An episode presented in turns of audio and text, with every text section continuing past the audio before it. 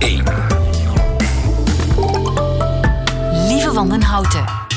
Nieuwe feiten. Dag en welkom bij de Nieuwe Feiten podcast van maandag 27 september 2021. In het nieuws vandaag dat het wereldrecord kazen op een pizza is verbroken. Vier is voor normale mensen genoeg. Maar niet voor drie Fransmannen die het vorige record van 257 soorten kaas op één pizza wilden verbreken. Ze brachten 2 kilo kaas bijeen, 834 verschillende soorten in totaal. En zijn er van het weekend in geslaagd om die alle 834 op één rondstuk deeg te draperen. De nieuwe recordhouders zijn eigenlijk wat ontgoocheld, want het echte doel was 1000 kazen. Smakelijk. De andere nieuwe feiten. De twee protestantse kerkgenootschappen die zich verzoend hebben na een ruzie van 54 jaar. Rick Torfs weet waarom. Schotse privéscholen stellen ouders gerust. Bij ons doet uw kind geen Schots accent op. De vrijgelaten topvrouw van Huawei, die in Vancouver in huisarrest zat, is als een koningin ontvangen in China. Hebben de Chinezen nu gewonnen? En Alex Visorek, onze man in Frankrijk, volgt de discussie over de jacht op de voet. De nieuwe feiten van Johan Terrein hoort u in zijn middagjournaal. Veel plezier.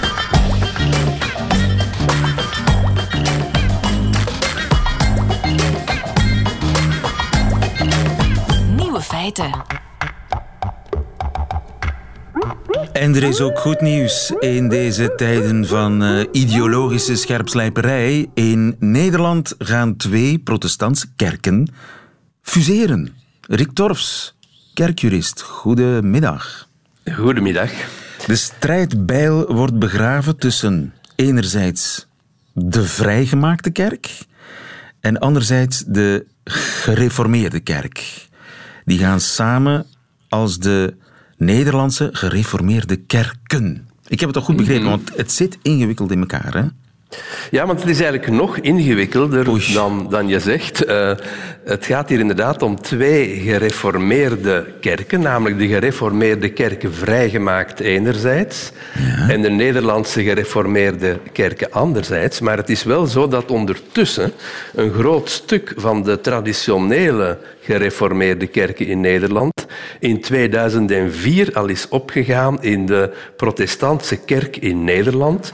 Een veel groter fusieverband dan wat we nu meemaken. Hier gaat het eigenlijk om twee eh, kleinere aftakkingen van de gereformeerde kerk die samen met de hervormde kerk eh, eigenlijk het gros van de protestantse Maar- kerk in Nederland uitmaken. Ik ben blij ik zo volg al niet meer. uitleggen. Ik volg al Ja. niet meer. Dus de- er is een verschil tussen de gereformeerde kerk, die opgegaan is in die protestantse kerken, en dan nog een kleiner afsplitsing daarvan, dat heet dan de Nederlands gereformeerde kerk. Wel, waar we, nu mee, waar we nu mee te maken hebben, de twee kerken die nu fuseren eigenlijk, zijn eigenlijk aftakkingen van de gereformeerde kerken in Af- Nederland, van het grotere geheel. Die horen daar niet meer bij. Die, die hebben zich daarvan afgesplitst. Zo is het. En dat is ook in twee fasen gebeurd, want ik wil extreme helderheid blijven betrachten in wat ik eh, allemaal uitleg. Dus in feite zijn de gereformeerde kerken vrijgemaakt in 1944, afgescheurd van het grotere verband gereformeerde kerken in Nederland. En op hun beurt is dan de tweede groep die nu met de eerste fuseert, de Nederlandse gereformeerde kerken, NGK, die zijn dan weer op hun beurt in 67 losgescheurd van die GKV, die dus op haar beurt in 44 het grotere verband heeft verlaten. Dus daar komt het op neer. Jeetje, het gaat dus om afsplitsingen van afsplitsingen die, die weer samenkomen.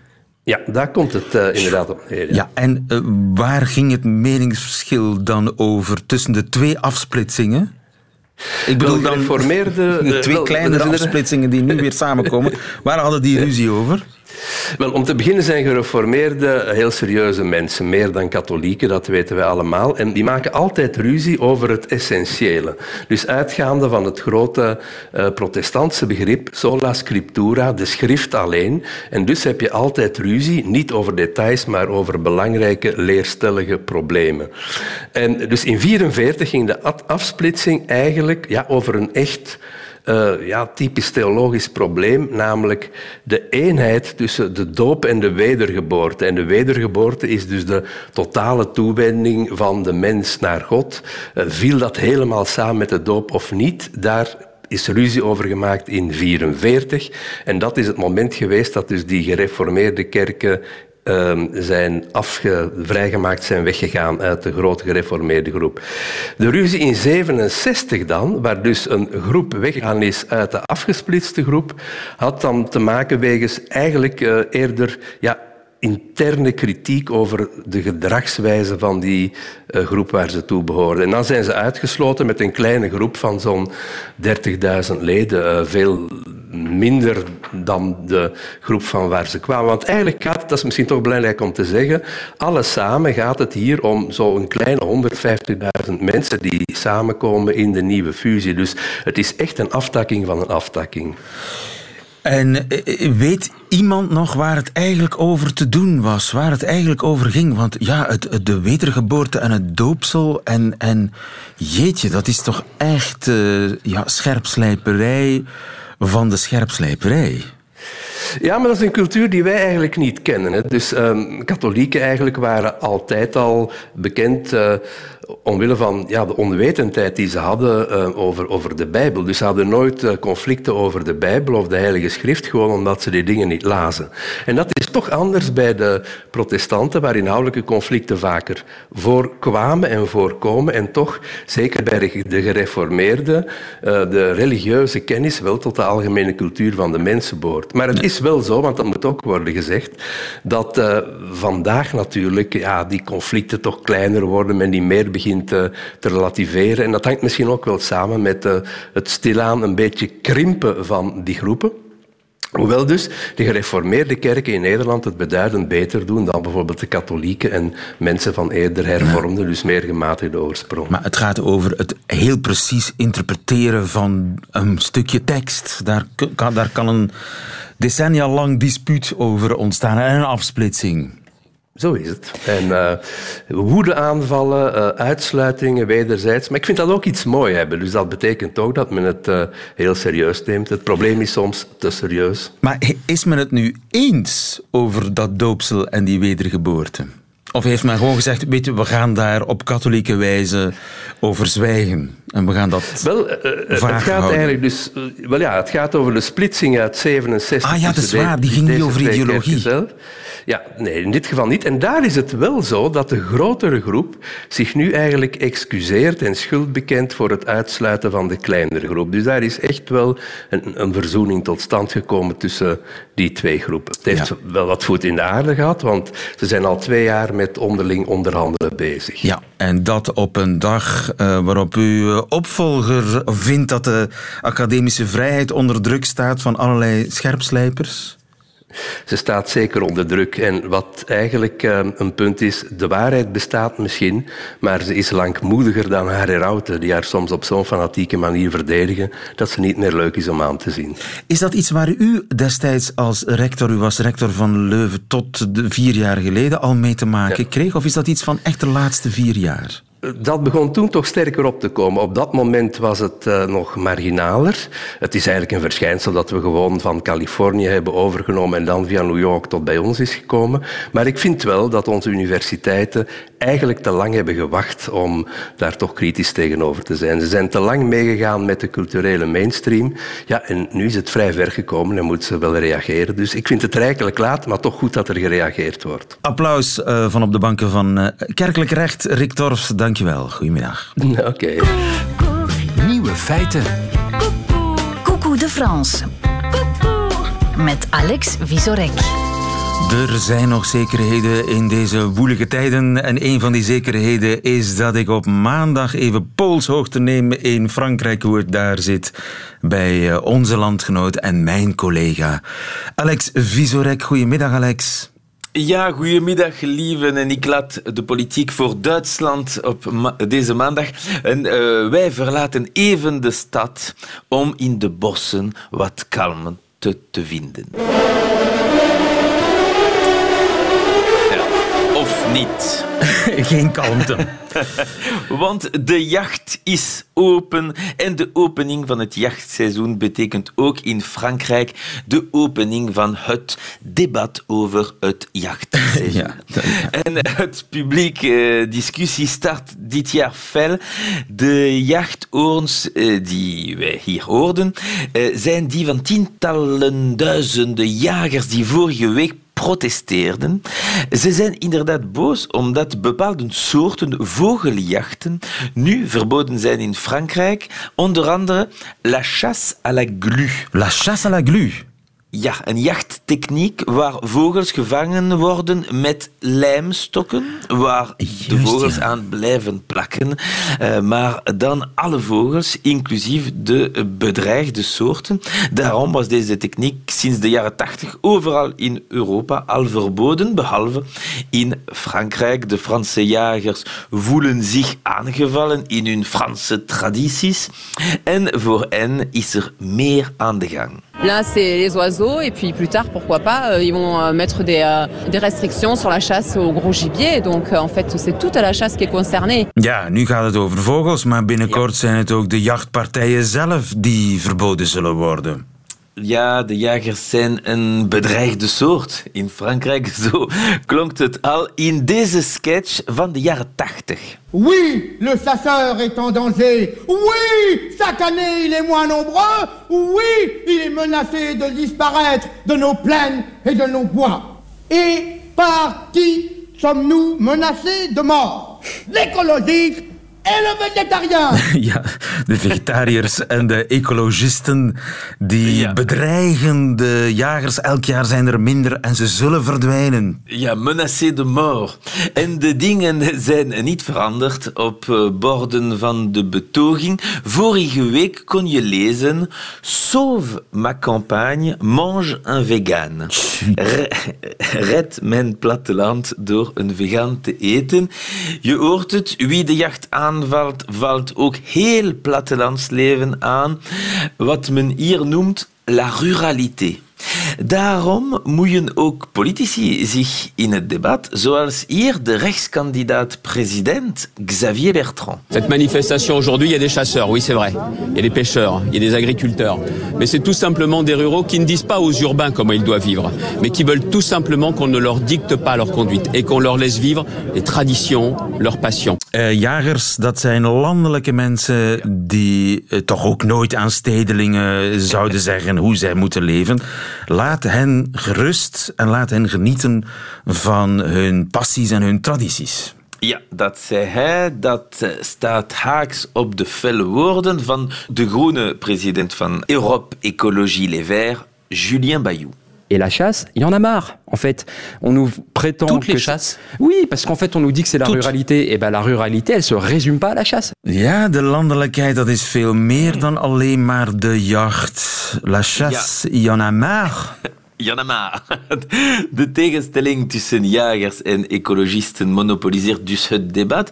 Maar als je de pers leest, kan je ook besluiten dat de beste vijand van de jagers eigenlijk de jagers zelf zijn.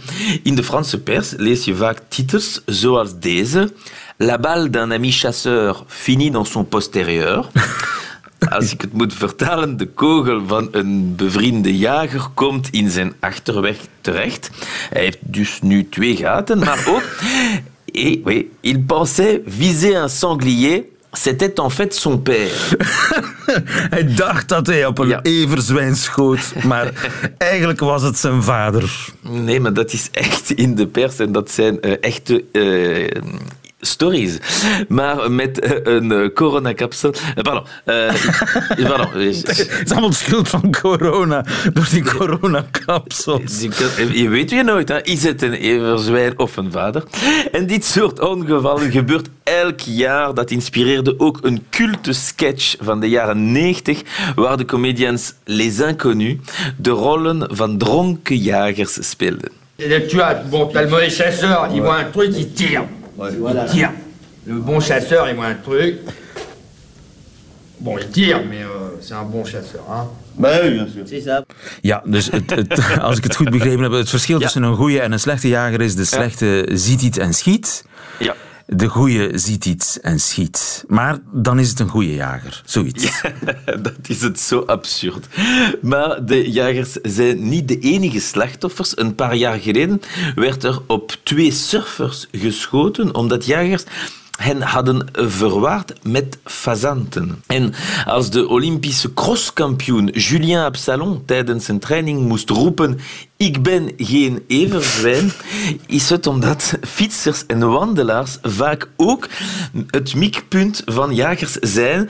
Drie jaar geleden werd er een fietser door een jager doodgeschoten. De grote baas van de jacht had het moeilijk om zich te verdedigen. C'est l'homme, c'est l'être humain. Il s'est passé quelque chose dans sa tête. Lui, il a cru voir un sanglier là où des millions de personnes auraient vu un mec sur un vélo en train de rouler sur un chemin. Ja, uh, meesten is menselijk. Die jager dacht een everzwijn te zien, waar uh, miljoenen anderen misschien iemand op een fiets hadden gezien.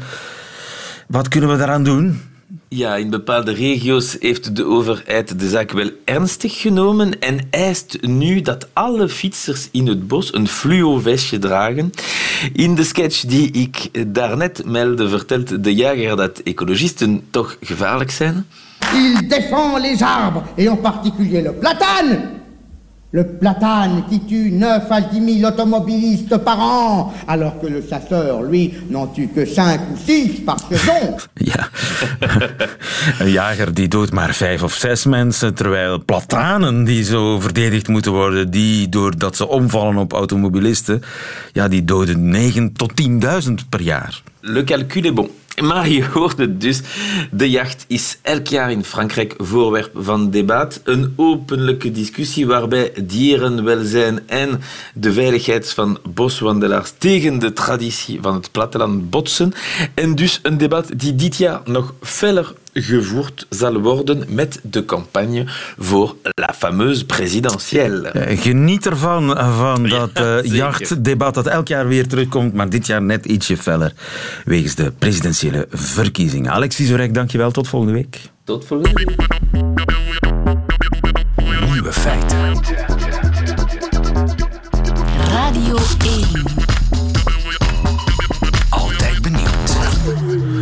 Privéscholen van Schotland die stellen ouders gerust. Uw kind zal bij ons geen Schots accent oplopen. Harry de Pape, goedemiddag. Goedemiddag. UK-watcher. Het was uh, de koepel van Schotse privéscholen die het bericht de wereld had ingestuurd. De geruststelling, uw kind uh, houdt aan zijn, aan zijn verblijf bij ons geen Schots accenten over.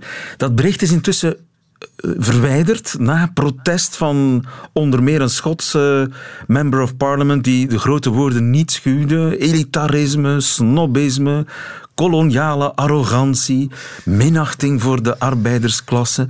Het ligt kennelijk heel gevoelig. Eh, ja, zeker. Hè, zeker. Uh, niet vergeten, Schotten hebben hun eigen identiteit, zijn er ook heel trots op. En zijn ook zeer gevoelig aan iedere uitspraak van Engelsen over Schotten. En dit illustreert voor de Schotten weer hoe de Engelsen toch wel neerkijken op hen.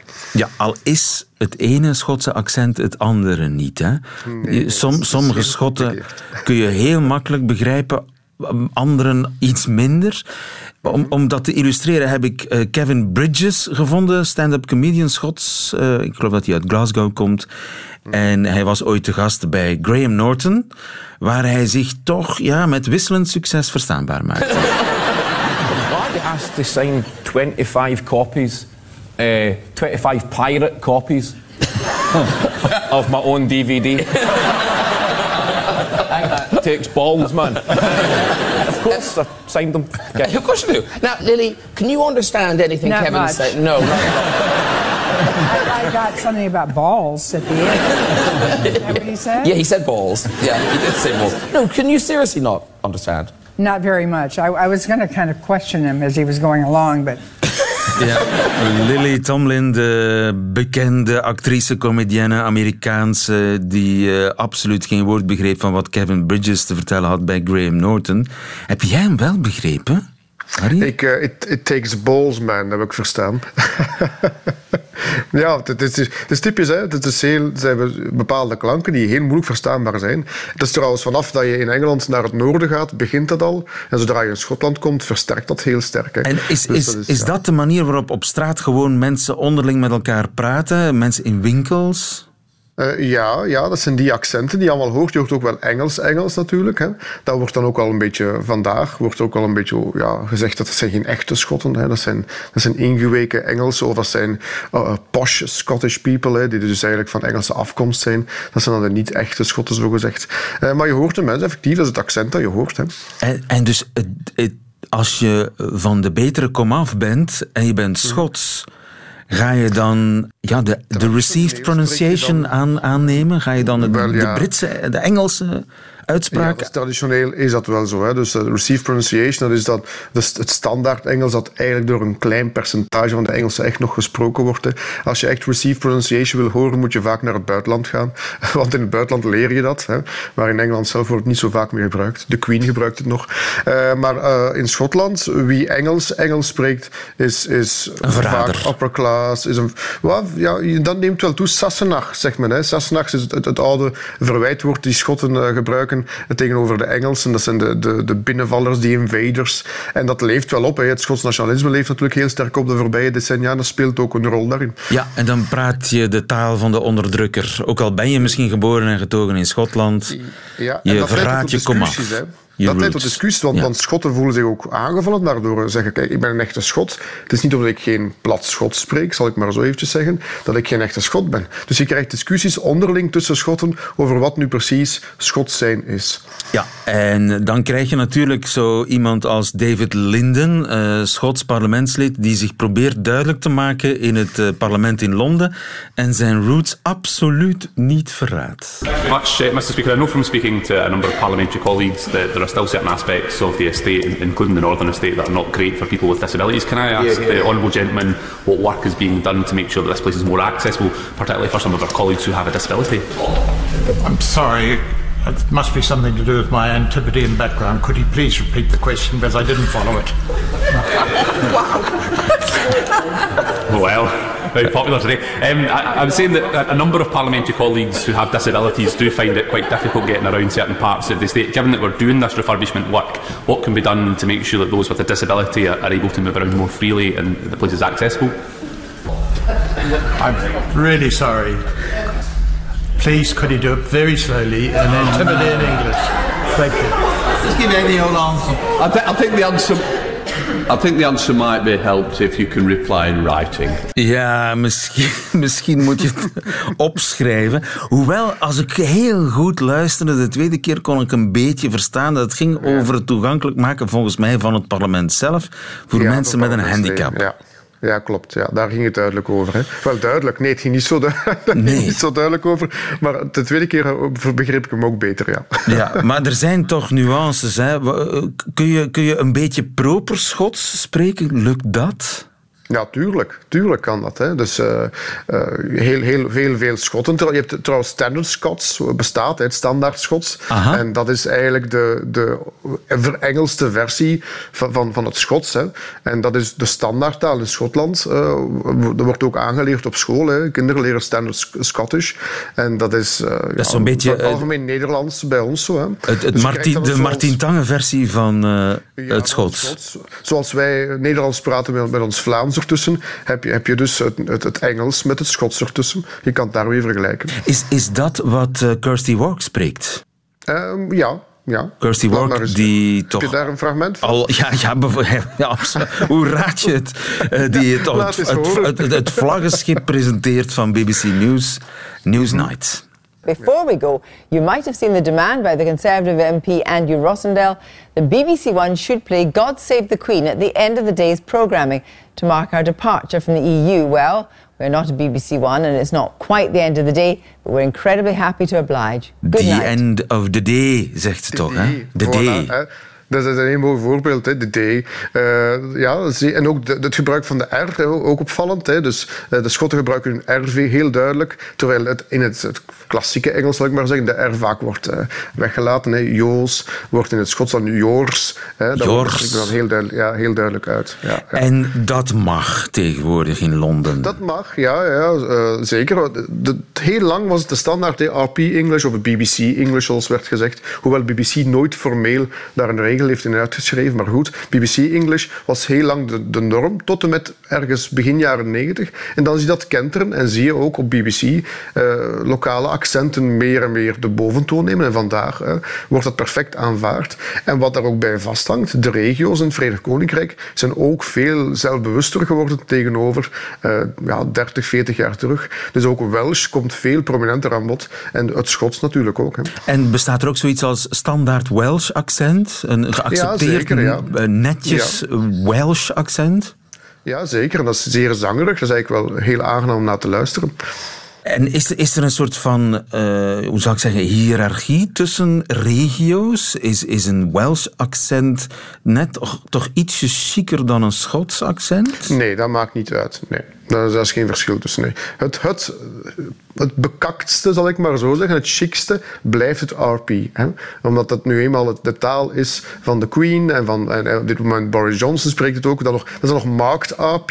Dat betekent dan nog, je hebt dus standaard Engels, maar marked betekent natuurlijk nog het, zoals ik daarnet al zei, het bekaktere variant ervan. Ja. Dat staat nog steeds bij de elite. Hè? Ja, Dus en dat is nu precies het taaltje dat je leert op dat soort privéscholen. Ja, klopt. Ja, voor een stuk wel. Dat is ook een beetje iets van het verleden vooral hoor. Eh, vroeger was het heel sterk en eh, werd het ook gepromoot zelfs. Nu krijg je het tegengestelde. Nu krijg je eh, vaak mensen uit de elite die hun, hun, hun posh accent proberen te maskeren door vooral andere accenten aan te nemen. Hè. Estuary English, dat is dan het Engels dat men dan rondom Londen spreekt. Dat wordt dan meer gebruikt. Dat zie je trouwens in de Royal Family. Hè. Kijk naar Prince William, die praat totaal niet meer het posh English van zijn grootmoeder. Die spreekt meer Estuary English van het Londense accent. Het normale straat-Engels, het beschaafde straat-Engels, zeg maar.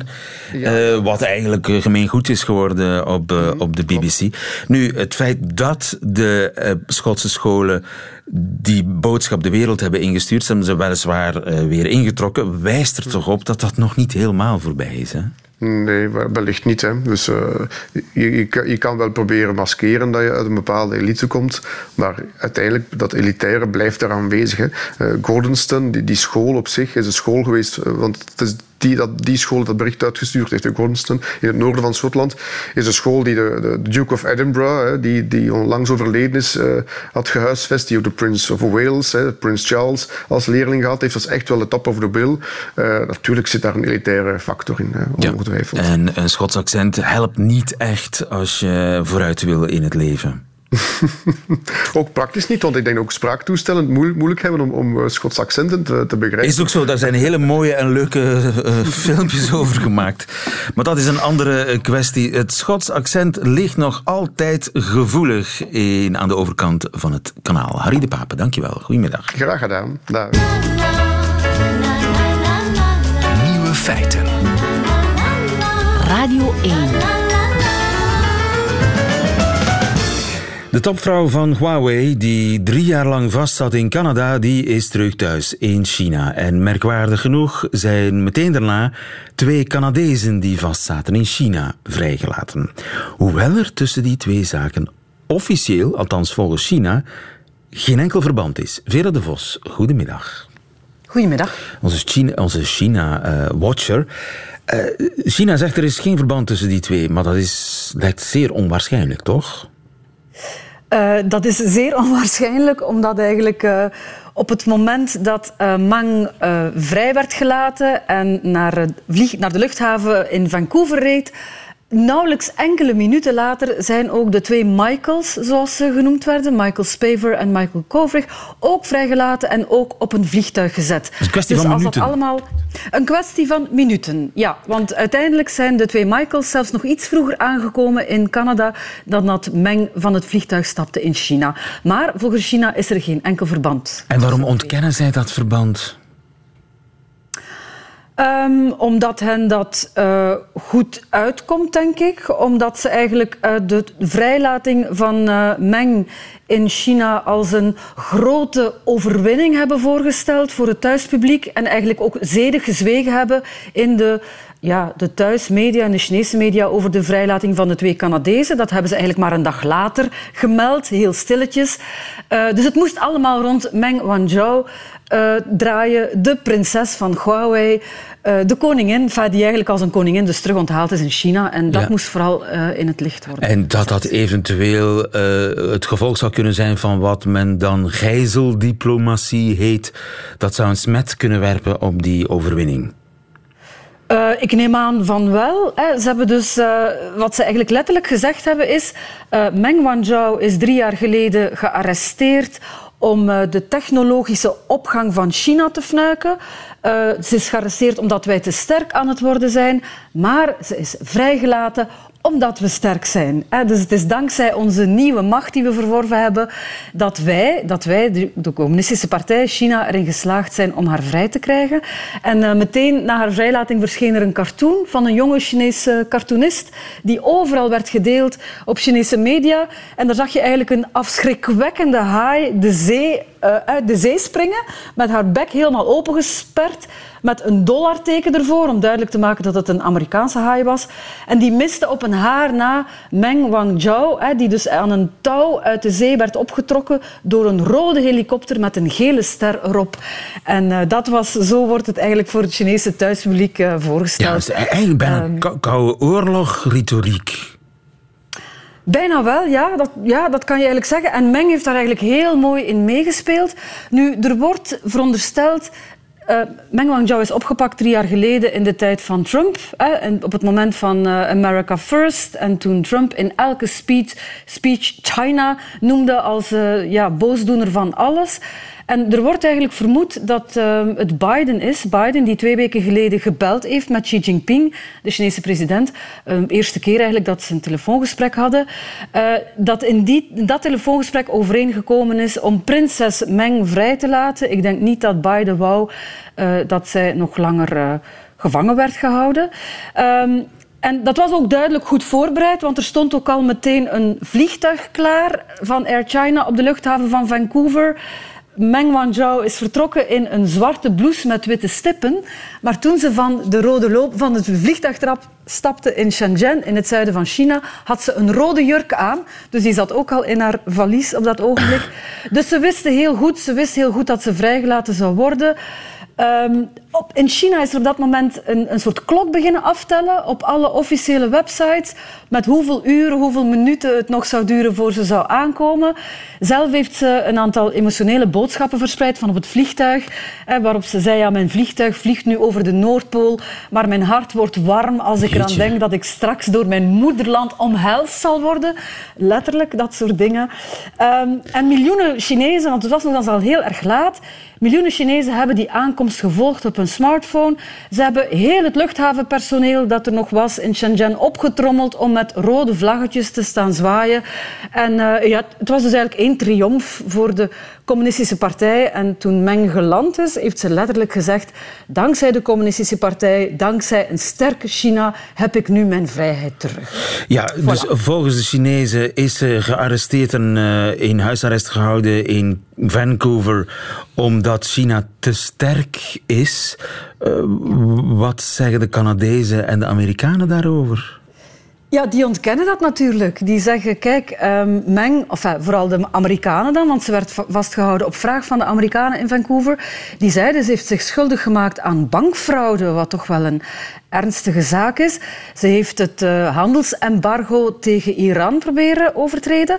Je moet weten dat Meng Wanzhou de CFO is van Huawei. Dus ze is niet alleen de dochter van de stichter, maar ze is ook de, ja, verantwoordelijk voor de financiën van Huawei. En zij zou dus bepaalde zaken hebben gedaan die niet door de beugel konden. En daarom eisten de Verenigde Staten haar uitlevering. Ehm, ja, haar advocaten hebben dat altijd ontkend, hebben gezegd er is geen bewijs, dat is een overdreven aanklacht, dat is een onwettige arrestatie en zo verder.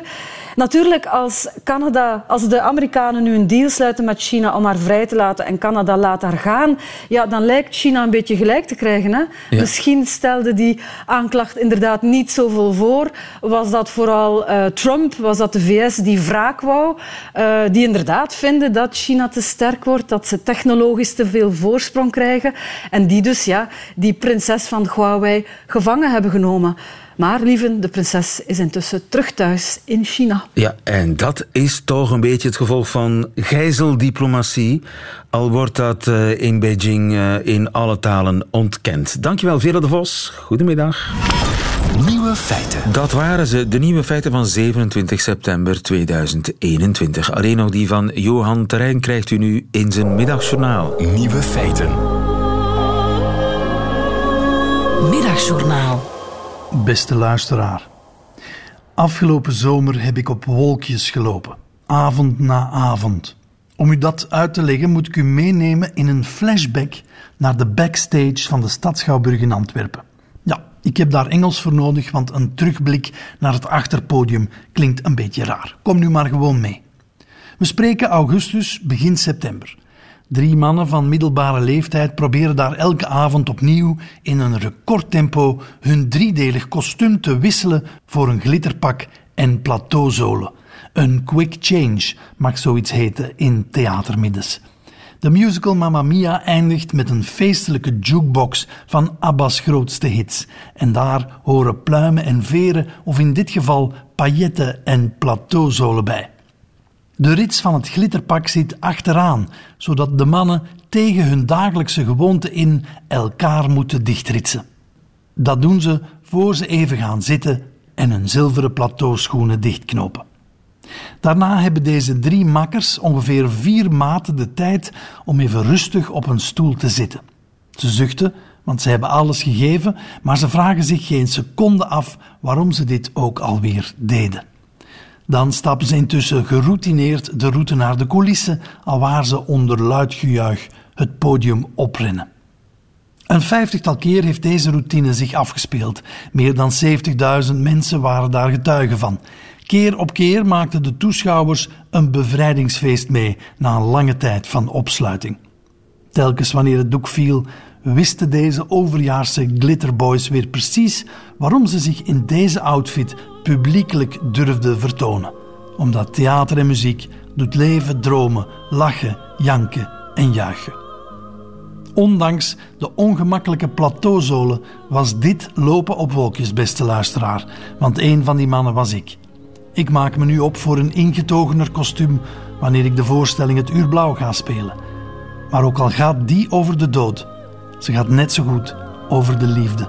En dus weet ik dat ook straks het publiek met een opgelucht gevoel de zaal zal verlaten. Op wolkjes, zoals ze zeggen.